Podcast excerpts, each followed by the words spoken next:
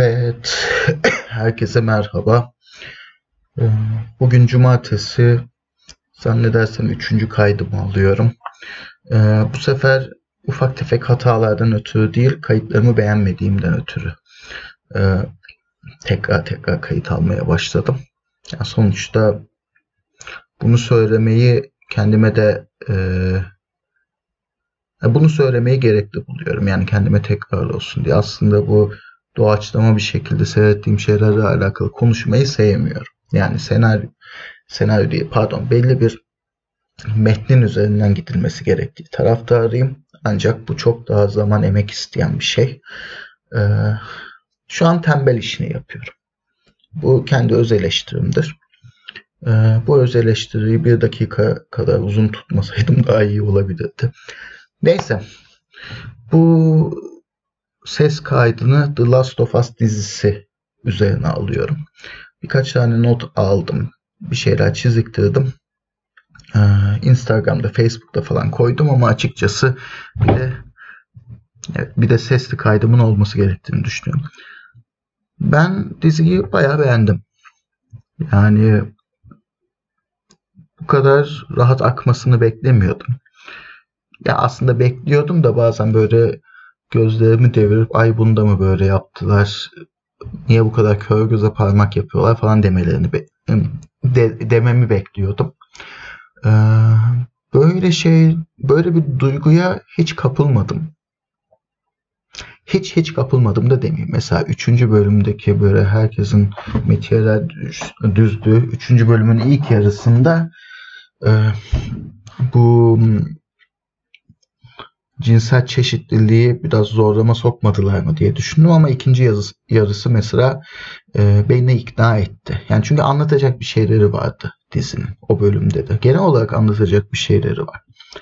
Aslında aslında çok özgün bir evren tasarımımız yok. Yani şey önemli tabii ki e, virüs değil de mantar salgınıyla bu felaketin başlaması önemli ama bu aslında bir nüans yani hiçbir prodüktörü muhtemelen ben bir proje yapacağım ve o da mantar salgını olacak, virüs olmayacak diyerek ikna edemezsiniz. Ama e, dizi bence jenerik bir e, kıyamet tasvirini çok başarılı e, karakter çatışmaları yedir, yedirerek özgün bir noktaya getirmiş. Daha doğrusu The Last of Us e, oyunu bunu yapmış. Dizi de açıkçası ne yapıldıysa onu iyi anlamış ve onu bir teleplay e, formatına iyi sokmuş. E, bir açıdan dizinin elinde avantajlı ve dezavantajlı bir proje varmış. Yani benim açıkçası düşüncem bu yönde. Çünkü e, The Last of Us mesela gerçekten artık e, 2020'lerde biraz jenerik hatta demoda kaçmaya başlamış bir e, hikaye altyapısıyla karşımıza çıkıyor. Bir tane e, geç yaşta yetişkin bir erkek var. E, hayata karşı küskün. Dünyaya bağlanacak bir sebep arıyor ama bunu itiraf da edemiyor. Ee, öte yanda e, direkt bunu itiraf edemese de bir baba figürüne muhtaç e, bir çocuk karakter var. Yani buna benzer çalışmalar daha evvelden yani son 10 senede çok yapıldı. Yani 2013'te oyunun ilk çıktığı zaman bile aslında çok özgün değildi. Yani düşünün Logan vardı. Hatta e, The Last of Us oyunuyla eş zamanlı olarak Telltale Games'in e, Walking Dead'leri vardı. Çok benzer çatışmalar üzerinden kuruluyordu bunlar. Daha doğrusu benzer e, kutuplar üzerinden kuruluyordu. Ama e, her biri bu esas e, bu artık jenerik kutuplaşmayı özgün bir şeyler katabildi bu projeler. E, daha aklıma gelmiyor isimleri de 3-5 tane film daha vardı. E, yakaladığım kadarını seyrettim. Hepsi yeni bir şey ekleyebildi masaya. O yüzden büyük çoğunluğu da akılda kaldı. Ama işte e, 10 sene boyunca bu hikaye anlatıldı. Aslında o yüzden mesela HBO'nun bu projeye e, yeşil ışık vermesi bir açıdan riskliydi. Ama öte yandan The Last of Us, Naughty Dog'un resmen bu e, oyundan çok sinematik bir deneyim olsun diye yaptığı bir projeydi. Yani e, o yüzden de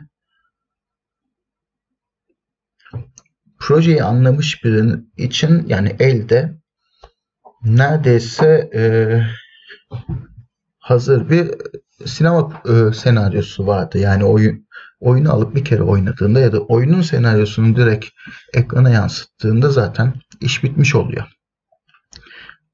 Ya bunun da işte tabii ki e, tekrara düşme e, sorunsalı var mıydı? Yok. Var mıydı? Vardı ama şey yani açıkçası e, ben bu tekrardan memnun kaldım.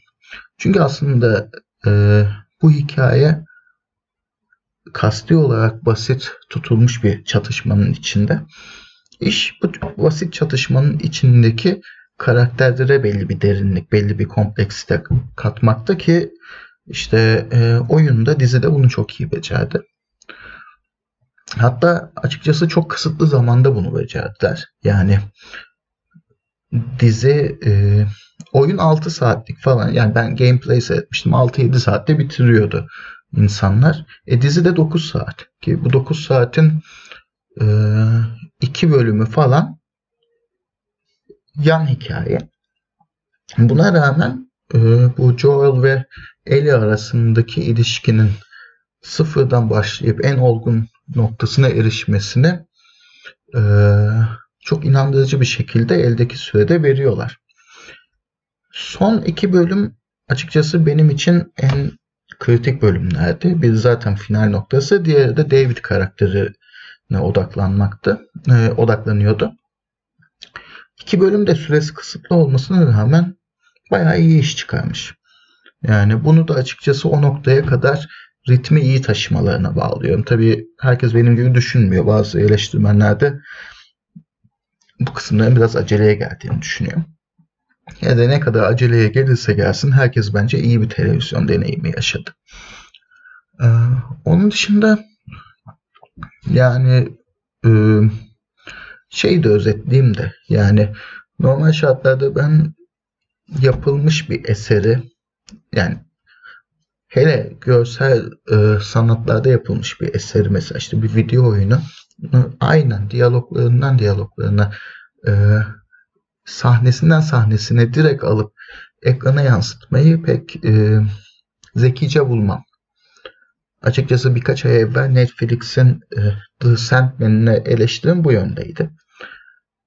Ama mesela işte The Last of Us'ı seyrettiğimde e, aynı şeyin, aynı yaklaşımın yani shot by shot e, hikayenin alınıp ekrana yansıtılmasının bu sefer çok daha iyi tuttuğunu fark ettim. E, bu neden bir projede bu yaklaşım beni çok rahatsız etti, diğerinde bu kadar hoşuma gitti diye düşündüm ve şey noktasına vardım. E, The Sandman'den mesela beklentim bana e, çok geniş bir evren sunması ve o evrende yeni o evrende yeni hikayeler sunmasıydı aslında. Yani çünkü hikayeler ve diyalog orada da ne kadar kuvvetli olursa olsun The Sandman kişinin e, ya bir fantazi olarak hayal gücüne daha çok sesleniyor ve o hayal gücünde yarattığı evrende yeni hikayelere e, daha fazla alan açıyor. O yüzden açıkçası o projenin eski hikayeyi yeni bir görsellikle sunmaktansa e, yeni hikayelerle bana kendini tanıtmasını beklerdim. Burada ise çok daha basit bir hikaye dinamiğinin iyi oyunculuk ve yani iyi diyaloglarla sunulmasını beklemişim. Yani başından sonuna ikisi de başından sonuna bildiğim hikayeler. Hatta The Last of Us'ta neler olacağını tahmin etmek belki Sandman'e kıyasla çok daha kolay. Ee, ama burada daha konsantre bir drama var. Yani o yüzden zaten bu dizinin e, tekrar seyredilebilirliği daha yüksek. Çünkü gerçekten ne olacağını biliyorsun. Ama e, karakterlerin göstereceği tepkileri tekrar tekrar tecrübe etmek istiyorsun. Yani örnekleyip spoiler'a düşmek istemiyorum ama kötü bir durumda e, Joel'ın ne tepki vereceğini, iyi bir durumda ya da e, neşeli bir durumda evet Ellie'nin ne tepki vereceğini tekrar tekrar seyretmek istiyorsun çünkü yani burada e, bir oyunculuk ve duyguların dışa vurumu daha önemli. The Sandman'de ise e, yaratılan evrenin algoritması, mekaniği daha önemli bence. O yüzden o mekaniği e, o mekanikte yeni hikayeler daha hoşuma giderdi. Neyse. E, biraz enteresan bir kıyaslama oldu herhalde The Last of Us ve The Sandman'i yan yana getirmek ama ben e,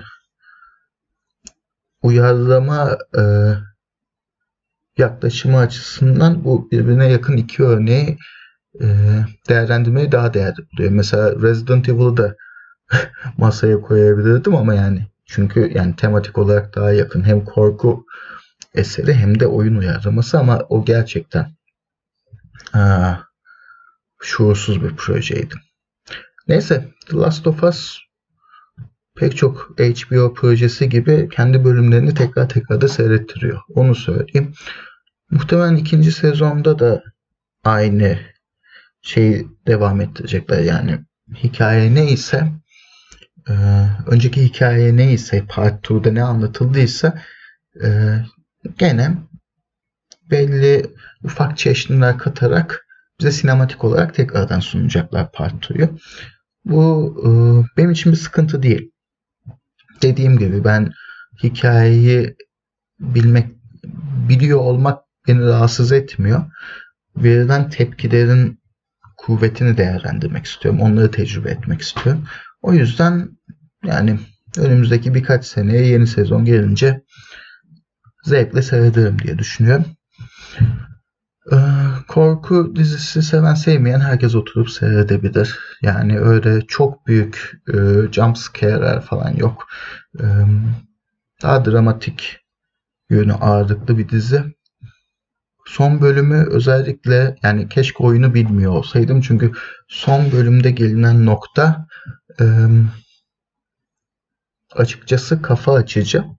Ya kafa açıcı demeyeyim yani. Duygu açıcı diyeyim. Yani normal şartlarda bu